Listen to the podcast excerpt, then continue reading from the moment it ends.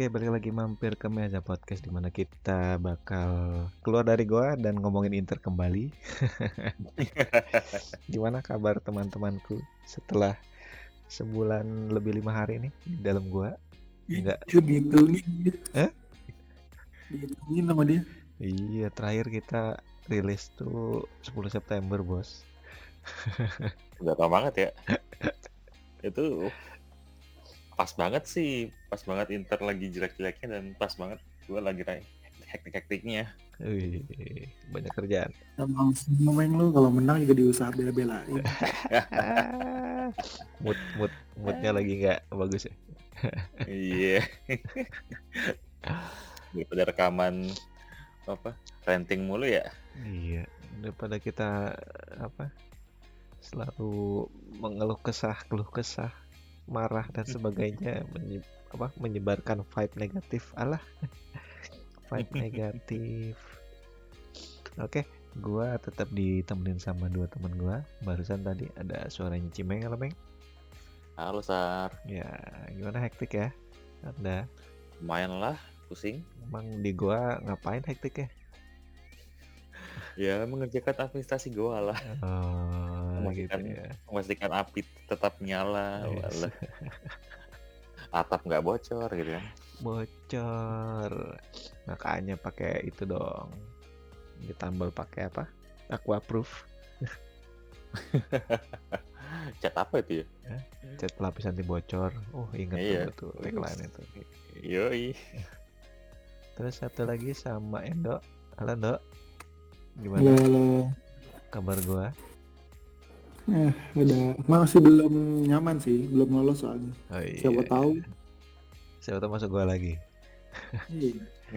bukan masuk gua masuk UEL Oh iya. Oke, ngomongin soal belum lolos, ini kan eh, sudah dua match kita lalui melawan sang apa? Sekarang kan julukannya tim tuas ekonomi. Tim tuas ekonomi. Yaitu eh, Barcelona dengan hasil yang cukup memuaskan.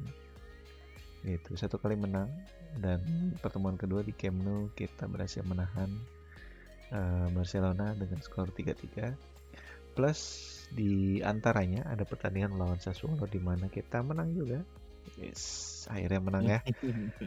Akhirnya ya. Tidak di comeback. Iya. Iya, menang 2-1. Nah, cuman ada sesuatu yang menarik dari ketiga permainan itu yaitu pendekatan Inzaghi yang eh, kalau kita lihat musim lalu dan beberapa match di awal itu dia men- eh, melakukan pendekatan yang apa ya eh, mengambil position tinggi, eh, fluid segala macam. Dan di tiga pertandingan terakhir sepertinya Inzaghi mulai agak sedikit berubah pendekatannya dengan lebih apa eh, menunggu di belakang eh, agak sedikit low block dan melancarkan counter attack Mm-mm. yang ya beberapa kondisi memang sangat berbahaya tapi memang sampai saat ini masih belum setajam counter attack counter attack di era sebelum Inzaghi. Mm-mm. Eh, gimana Meng menurut lo Meng? Ini apakah Inzaghi ada ketidakpedean dengan idealismenya sehingga dia harus berubah tekanan atau gimana Meng? Eh, mungkin juga itu sih, soalnya kan nggak bisa dipungkiri juga kalau hasilnya Inter sejauh ini kan nggak nggak bagus ya. Ketika Hmm. Inzaghi mencoba kekeh dengan taktiknya dia yang dulu, Inter nggak bisa meraih hasil yang bagus. Eh, satu sisi mungkin itu juga karena dia kekurangan personel ya. Kalau musim lalu kan Inzaghi punya Ivan yang Ivan Perisic yang bisa mengolah bola di sisi kiri. Hmm. Jadi beban menciptakan serangan tuh kan bukan hanya di tengah. Nah di musim ini kan nggak ada tuh sayap yang bisa kayak gitu. Di Marco Hmm, sama. Dumfries, eh, di Marco bisa lah eh, di, disuruh menciptakan peluang. Tapi kan dia juga kalau dia fokus attack, defense-nya kacau. Berapa kali ya hilang ya? Iya betul betul. Dan Dumfries itu bukan tipe tipe orang yang bisa menciptakan peluang. Dia dia itu tipe-tipe pemain yang yang yang menyerang space, yang Mhm. menunggu ada ada umpan matang gitu. Jadi di musim ini kelihatan banget kalau beban penyerangan tuh benar-benar di tengah Mhm. dan itu gampang banget di di itu lawan kan, gampang banget diatasi lawan. Tinggal tinggal putus aja aliran bola dari Marcelo Mhm. gitu. Nah, mungkin eh, setelah berkaca, setelah merenung, akhirnya Inzaghi mungkin memutuskan mencoba untuk mengubah mengubah pola serangan ya. Eh, apalagi waktu itu kan pas banget tuh momennya ketika lawan Barca, mungkin merasa merasa eh, sadar bahwa Barca ini lawan yang nggak bisa untuk untuk dihadapi dengan taktik yang biasanya. Jadi Inzaghi mencoba untuk lebih defense dan dan bisa ternyata berhasil dengan dengan low block. Gue sih nggak nggak ngelihat yang Barca leg pertama babak pertama ya, tapi di Hmm. babak di babak keduanya sih kelihatan banget kalau ya lumayan lah nggak gitu ketar ketir ngelihatnya Mhm.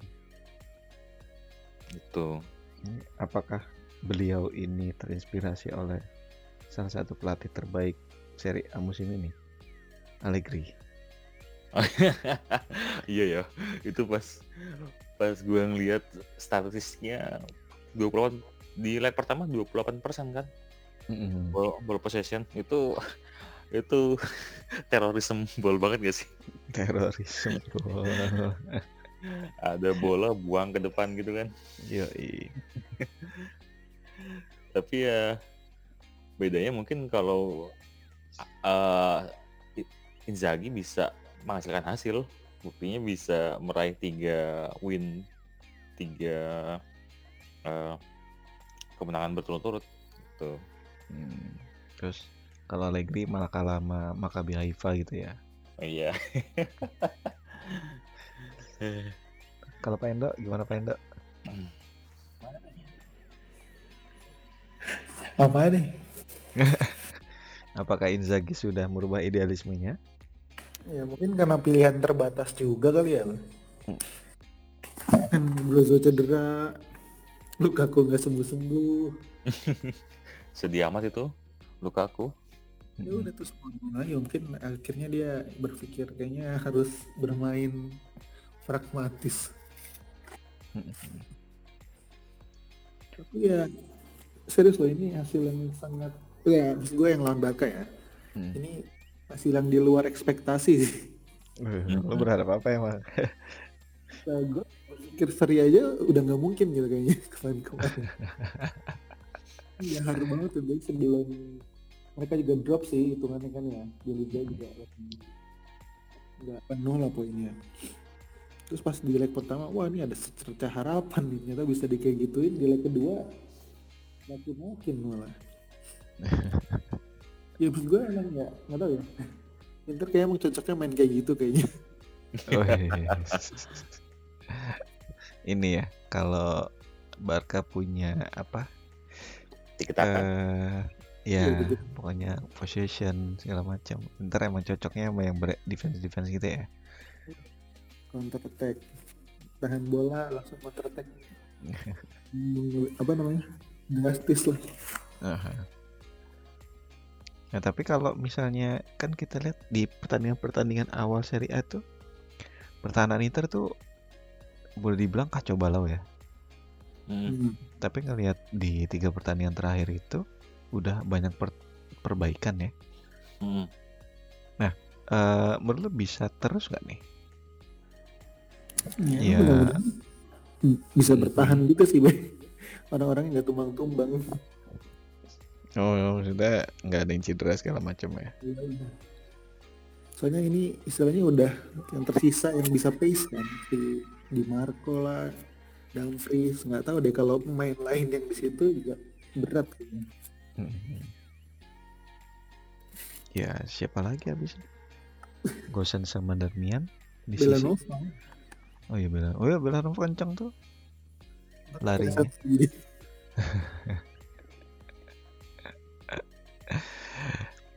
Aduh, nah tapi kalau misalnya tadi Cimeng bahas soal permainan counter ya, di mana Dumfries tuh bisa bisa menyerang di eh, menyerang space, menyerang tuh.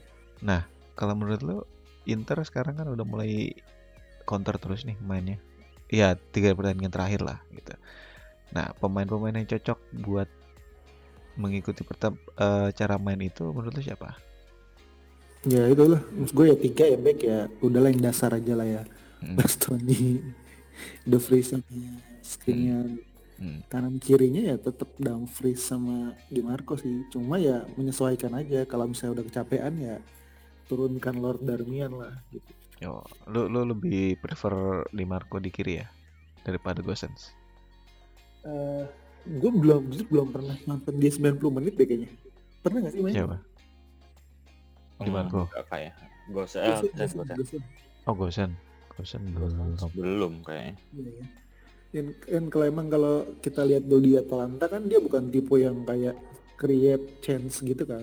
Emang Hmm. lebih nggak banyak bawa bola, ntar tiba-tiba ada kosong dia shoot lah gitu kan. Ya. Cutting gitu. Ya, makanya dia di Atalanta bikin gol cukup banyak sih Ya, untuk ukuran ya back back, back sayap atau posisi. Kalau lo Meng?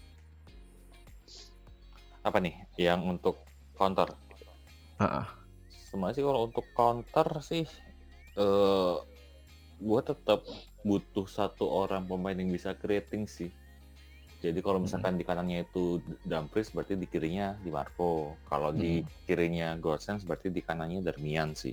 Biar Hmm. biar biar ada imbang juga sih. Hmm. Terus kalau untuk counter sih yang jelas yang gue lihat sih kayaknya ya Mm-mm. Inzaghi itu emang pengennya Lukaku biar timnya bisa lebih counter sebenarnya. Mhm. Itu yang yang kemarin umpan umpan dari si siapa si Onana ke Lautaro Onana. di gol Hmm. gol yang ketiga itu kan counter murni kan ya dari dari kiper langsung ke depan kan. Mm-mm. Itu kan Hmm. tipe-tipe bola yang jadi santapannya Lukaku kan. Mm-mm. Itu bayangin kalau kita dalam posisi kayak gitu ya dia di santap Lukaku dibawa lari udah pasti peluang itu. Ya, Bang, tapi first touch-nya Lukaku jelek ya. Eh, Nah, makanya kan bolanya kan nggak nggak langsung ke badan kan, diarahin ke ruang kosong kan. Kan kemarin kan si Lautaro tuh- si yang si si Lautaro kan juga gitu, bukan langsung ke Lautaro ya kan. Tapi di Tapi Lautaro kemarin itu Bang. First touch-nya kalau lo liat nonton TikTok tuh dibilang first bagus. Hmm, betul betul. sih, the best first touch in UCL. Iya, Iya. Yang itu ya, ah yang dia nerima dari sisi kiri lapangan ya. Itu emang c- cakep banget itu. Yang Onana itu.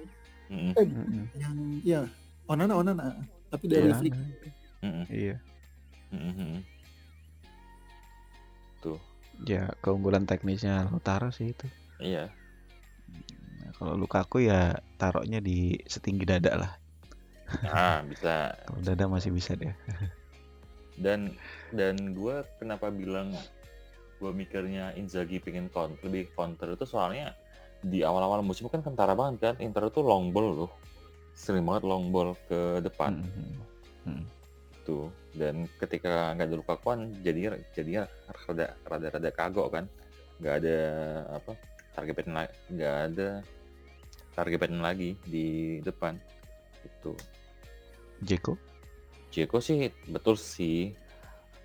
Tapi kan dia lebih ke apa ya? bouncer kan.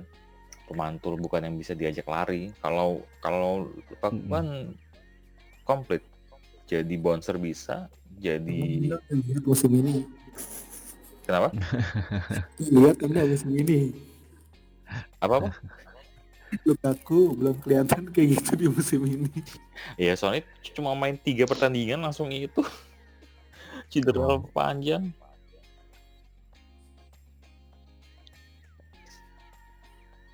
Terus Nah, Hmm? terus? Nah, Terus terus, ya paling ya tim yang ada sekarang bisa buat counter paling kayaknya sih itu sih si Barella sih dia kan sering tuh Mm-mm. ketika posisi counter langsung lari ke depan kan Mm. itu Oh iya, kayak kemarin ya, yang pas Mm-mm. golnya penyama kedudukan itu. Mm-mm. atau di belakangnya Pique. Iya, terima kasih Terima kasih. Pique.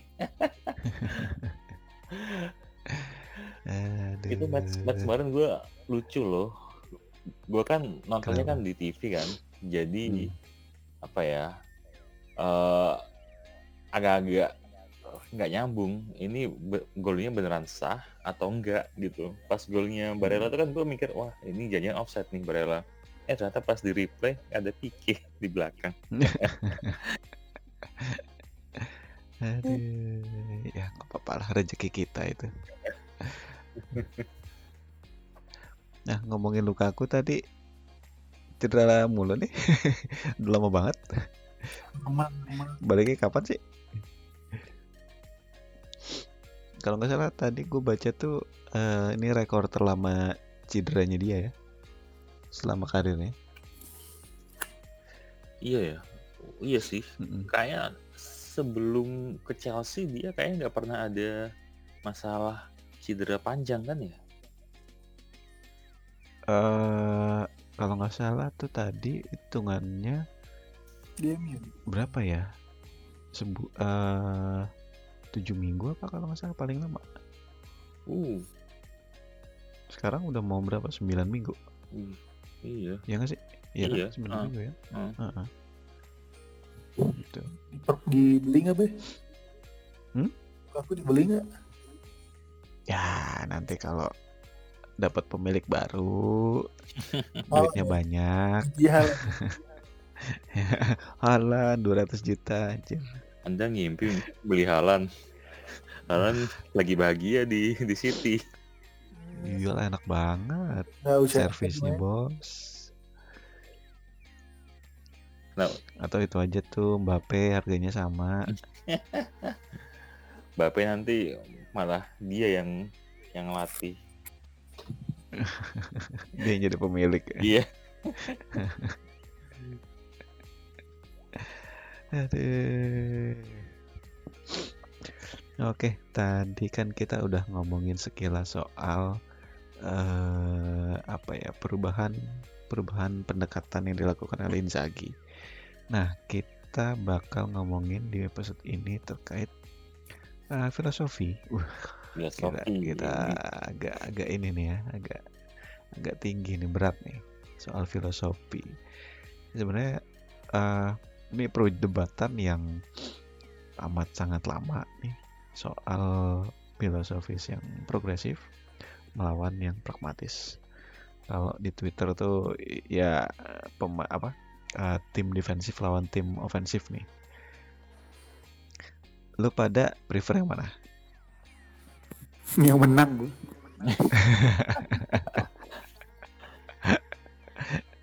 Kalau lu Meng?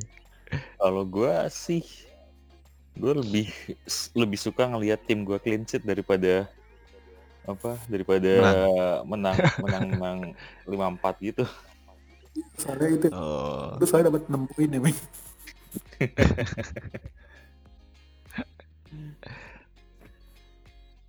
Nah, tapi kan sekarang kayaknya sudah mulai ada sedikit perubahan nih di terutama kita ngomongin di Serie A ya. Sebenarnya Inzaghi pun kan eh, filosofinya tuh lebih kepada yang progresif, menyerang, fluid. Terus di Serie A tuh ada kayak eh, Roberto Sari, eh Roberto. Kok Roberto sih? Itu Mauricio Maurizio Sarri yang memang eh, ofensif. Terus kita lihat Napoli musim ini yang begitu sangar, Hmm. ya kan gitu. Nah, apakah memang ada perubahan ke arah yang lebih pro, apa progresif dari tim-tim Italia saat ini? Gimana lu melihatnya, Meng? Kalau gue sih ngeliatnya sih kayaknya gue sempat baca artikel eh, di tahun lalu apa dua tahun lalu ya bahwa Hmm. laga eh, jumlah gol di Italia itu salah satu yang tertinggi jika dibandingkan Hmm. dengan dengan liga lain.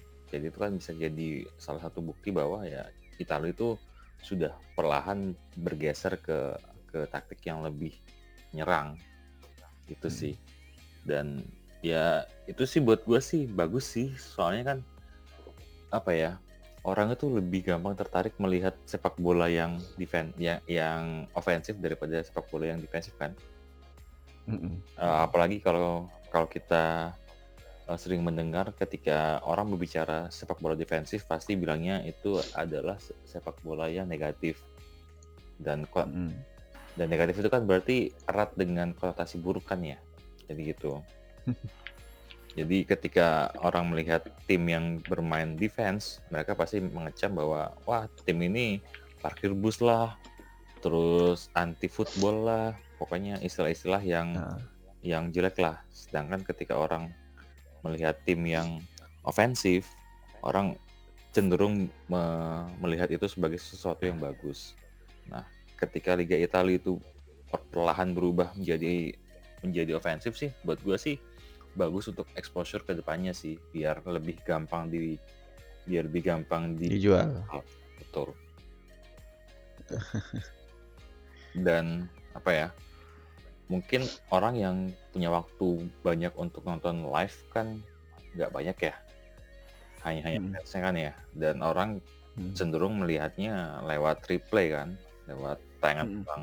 Tayangan ulang kan yang di highlight ya gol.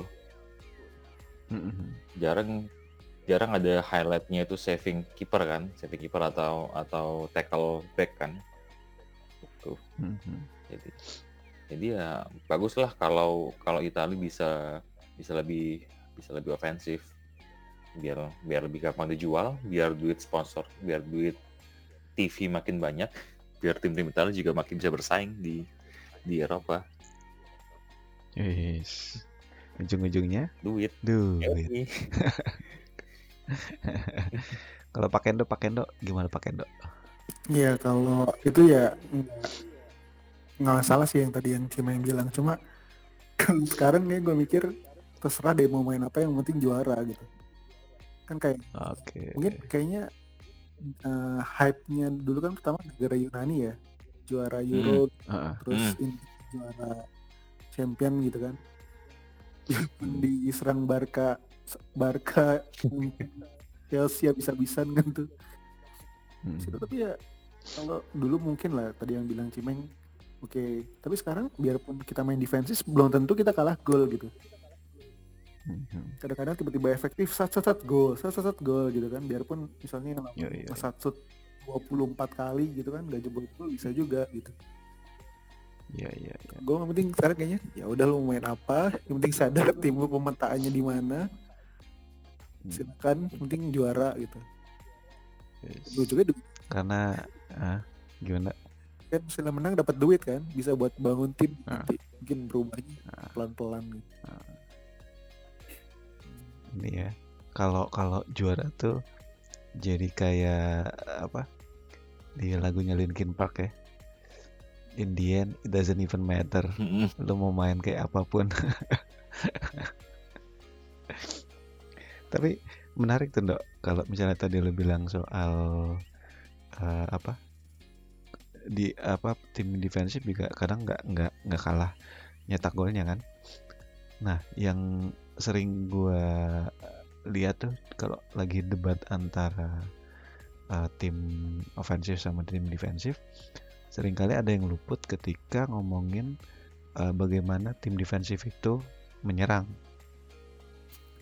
Ya, gua ambil ya yang gue lihat terakhir itu kan ketika timnya Conte kan. Ya. Ketika lu lihat timnya Conte itu counter attack serapi apa, setajam apa lu bisa lihat itu konsep penyerangan yang tim yang terbiasa menyerang pun menurut gue belum tentu bisa melakukan itu gitu. Bisa setajam itu, secepat itu, se di fase perubahan fasenya kan cepat banget kan dari defense menyerang dengan lu bisa nyerang dengan 4 sampai 5 pemain udah ada di depan gitu. Jadi sering kali orang yang mencemooh apa tim-tim yang defensif nggak pernah melihat bagaimana tim defensif itu menyerang gitu. Seringkali luput gitu. Nah, apakah hal ini baik untuk Inter? kan pertanyaan itu kita kan ngomongin Inter nih. Menurut lo gimana? Kalau Pakai pakai sekarang sih gua rasa itu paling ini ya paling mungkin gitu kalau menurut gue ya squad kita kan juga terbatas ya untuk di Eropa gitu. Hmm. kalau di Liga ya bisa lah. Cuma maksud gua kalau melihat profil atribut mainnya ya agak berat sih kalau sekarang mengandalkan full menyerang gitu. Karena Hmm. ya paling siapa sih yang yang defense-nya bagus tiga back kan? Siapa? Brozovic. Brozovic ya palingnya sisanya ya average lah rata-rata pemain bertahan gitu. Tapi maksud gue fisiknya sekarang masih ada nih. Ya udah di force di forceir di situ aja gitu. Mainnya sabar. Toh kayaknya kemarin lebih enak kan liatnya. Pasang garis rendah gitu kan baru naik. Iya. daripada dulu kan kayaknya maksain tuh langsung panjang gitu eh pas direbut bolanya selesai Iya. gue sih itu paling mungkin kalau ngeliat squad sekarang ya Mm, mm.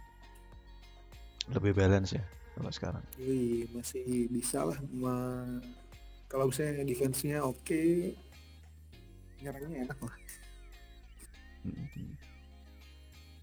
Kalau Lepeng? eh kalau gue untuk Inter saat ini ya setuju sih sama Endo. Kayaknya eh kalau ngelihat bagaimana Inter kesusahan meng- mengolah bola di tengah, kok kayaknya saat ini coba dulu deh empat laga ke depan counter. Siapa tahu bagus terus kan hasilnya. Mm, Tuh. mm. dan apa ya mungkin juga karena kiper kita kan udah mulai baru nih. Kayaknya si siapa? Si Onana udah mulai starter di, di Serie A juga. Itu kan Mm, mm. dia itu kan tipe kiper yang langsung umpan jauh ke depan kan tanpa ragu gitu loh. Mm. dia ketika ada ada space di depan langsung diumpan ke depan. Jadi ya bisa lebih mendukung untuk untuk inter counter gitu dan yang unik sih kalau kita melihat eh, tim Inter yang juara itu kok terkenalnya dengan itu ya dengan dengan counter ya Mourinho Oh. Conte itu kan Hmm. tim-tim counter semua kan ya apakah Pragmatis, pragmatis ya. Orang-orang pragmatis ya. Conte nyerang gak sih sama di Chelsea gue nggak ngeliat sih waktu Chelsea. jadi Chelsea kayak apa kalau yang gue baca terkini itu Conte waktu di di sesi wawancara di Spurs bilangnya dia itu mem- membangun tim agar tidak jebol dulu jadi solidin dulu di di defense-nya dan kayaknya Hmm. kalau kita lihat di strateginya Conte itu yang sekarang kan timnya itu terendah dalam ball possession apa ya terendah dalam semua statistik tim-tim yang ofensif tapi tertinggi salah satu yang tertinggi dalam konversi gol Ya, konversi golnya Hmm. tinggi deh. Ke satu apa kedua gitu ya? iya satu kedua kalau nggak salah efektif Jadi tuh. efektif banget. Itu Conte. Jadi ya kalau kita melihat sejarah Inter sih, apakah mungkin Inter tuh memang cocoknya dengan pelatih-pelatih yang yang solid di di belakang dan langsung counternya juga rapi. Mm, mm. Jadi ini ya, cocok sama yang pragmatis-pragmatis ya. Berjodohnya sama yang seperti itu terus ya. Maksudnya di beberapa momen momen apa ya, momen glory ya, glory momennya Inter kayak zaman Catenaccio, Helene Herrera, Grande Inter Hmm. kan. Seperti itu, treble waktu sama Mourinho seperti itu. Kebangkitan Inter di musim kemarin, dua musim kemarin pun seperti itu Mhm. gitu. Ya walaupun kayak Mancini dulu juga lumayan gimana? Agak pragmatis ya. Mancini kan juga orang yang pragmatis kan, seingat gue. tapi nggak terlalu masih balance lah dia mah hitungan menurut Ya karena eh, apa ya? Karena ya lu punya Adriano Ibrahimovic bos. dia sayang pasti gitu Ya, iya. Gila, punya Maicon, punya di tengahnya pun ya udah Stankovic segala macam. enak gitu udah Iya. bentukan awalnya Mancini Iya, betul. Gitu. Ya mungkin apakah cocok emang filosofi ini? Mungkin So far, iya. so far iya. Jodoh ya, jodoh ya. Makanya belanja yang banyak dong Aduh, banyak. Duitnya dari mana kakak? Nah, Yang beli belum ada. ya, kan pengungkit pengungkit Kalau Barca bisa ngejual ngejual hak kayak gitu dengan jumlah tinggi. Kalau Inter paling puluhan juta. Iya, Me- Meza dijual gitu. Ntar namanya jadi eh, gudang lagu. Atau apa? Staffa Band. Staff Aben anjir. Tahun berapa itu? lu- iya, ketahuan lu umur lu. lu. Iya, Spotify kan. Kalau nggak YouTube musik gitu. Jux, Jux. Itu masalah lu masih muter pakai Winem ya? Itu masalahnya kan bukan di Inter, di di pem pem pemprovnya, di pemkotnya Milan. Mau nggak mereka ngejual menjual nama? Eh tapi kan kalau punya sendiri mah Nah, boleh-boleh tapi aja. kapan kita punya sendiri? Lama banget itu ya. 2027 2027 4 tahun lagi eh 5 tahun lagi anjir Iya. Nggak apa-apa, yang penting ada kejelasan dulu lah. emang udah jelas Ya terakhir kan udah tuh, udah apa eh, dewan anggota dewannya udah pada setuju. Tinggal apa sih waktu itu? Tinggal jejak pendapat apa dengar pendapat Hmm, kalau nggak salah. Tinggal proses itu, gitu. Cuman ya belum ada kabar lagi. ribet ya coba di sini langsung bangun aja kali. Kata siapa lu? Eh, sini ributnya sama warga. Warga yang pelan-pelan. digusur iya. Belum punglinya banyak. Udah terkena lagi. Enggak ya maaf maaf maaf. Oke. Nah kalau tadi ngomongin soal uh, inter apa hal baik eh, pendekatan yang pragmatis ini sesuatu yang mungkin cocok dengan Inter saat ini. eh sebenarnya kan kalau untuk bisa menang lo harus mencetak gol. Untuk bisa mencetak gol lo harus membuat peluang gitu Hmm. kan. Nah, sebenarnya raport eh, penciptaan peluang Inter tuh gimana sih untuk saat ini? Gimana, Meng? kalau sampai kalau kita lihat sampai di musim ini ya sampai dengan laga sebelum lawan Barca itu kelihatan banget turun sih Inter itu. XG-nya itu Hmm. kalau musim lalu itu di 2,14 musim ini di 1,62 itu terendah sejak eranya Spalletti. Spalletti itu di musim 17-18 itu 1,6 jadi memang kentara banget Inter di, di awal musim ini jelek banget eh, ma- eh, mainnya.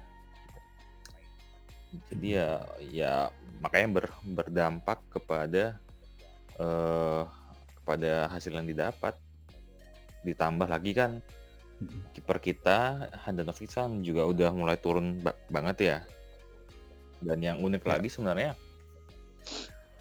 gue pernah lihat bahwa eh dia itu menerima apa ya savingnya dia itu udah turun jauh kalau musim lalu kan dia ada di 78% ya savingnya dia musim ini Hmm. jadi 60-an persen 61 persen apa ya Mm-mm. Buset. dan itu diperparah dengan dia itu menerima tendangan ke gawang itu meningkat dari 2 2 koma di musim-musim lalu jadi sekarang 4 4 koma di tiap di tiap eh, tiap laga. Jadi ya kombinasi Hmm. tiga hal itu membuat hasil hasil yang diraih Inter itu jadi jelek. Udah susah udah susah bikin peluang, defense-nya juga nggak beres dan kipernya juga turun. Ya sudah. Iya, tinggal ditembak kayak Iya, dari luar. Oke. Ya, gimana, Dok?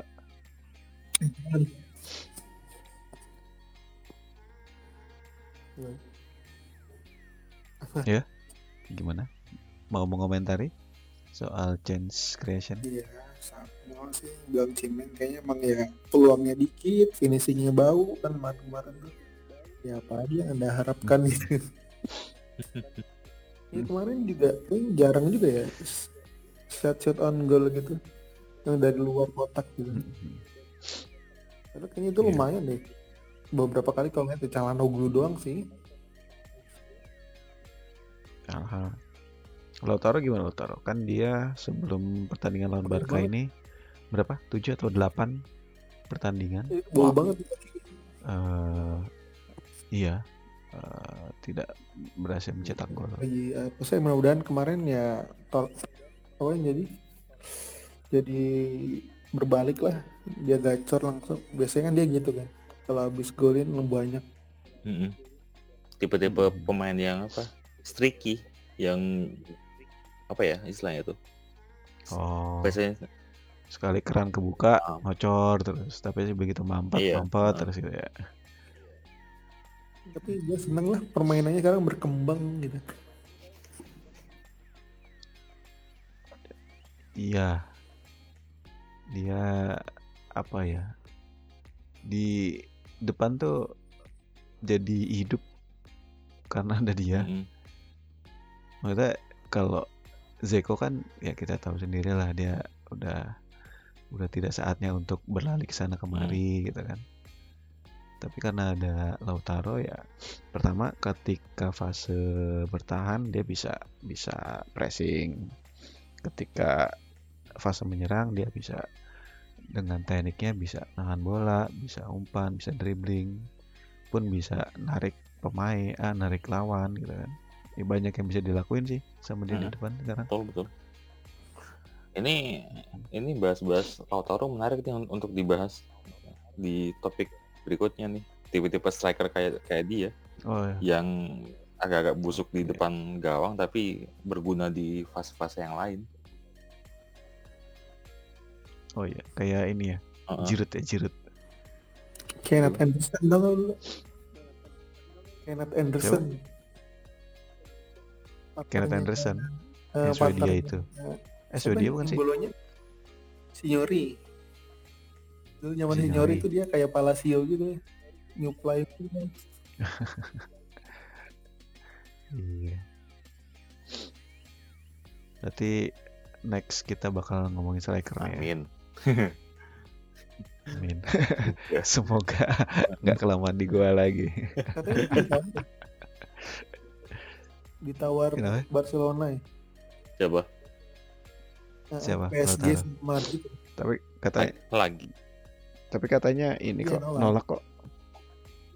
Mm-mm. BTW, gua kok ngelihatnya Lautaro Jeko udah mulai bagus loh ini ya. Eh, apa sih namanya? Chemistry-nya.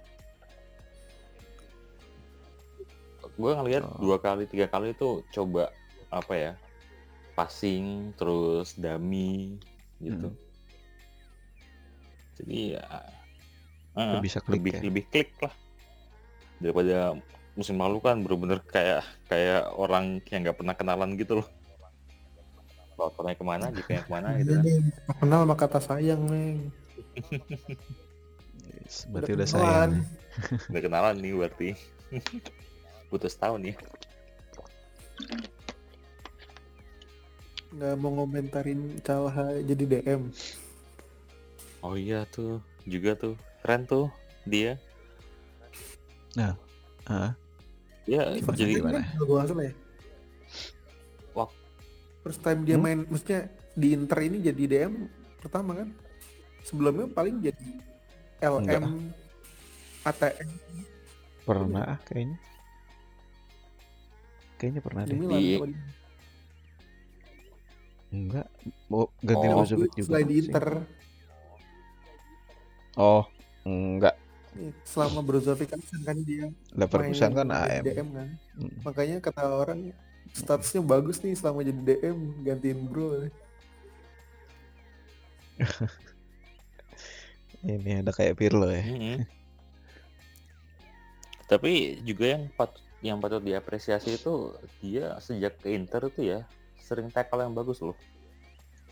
Di musim lalu kan ketika dia Hmm. dia jadi misalnya kan dia juga sering nekel-nekel yang di apa ya membuat tackle yang penting itu Hmm. cuma cuma ya ketika apa ya ya. Ken- kenapa Cuma salah passingnya juga ya. Nah itu itu betul salah passingnya itu juga ngeri salah passing langsung counter goal ya dua kali, Dua kan. kali ya. Dua kejadian.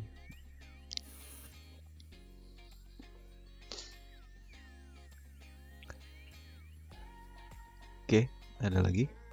Hmm, nggak ada sih Cukup sih. berdoa Lukaku sembuh lah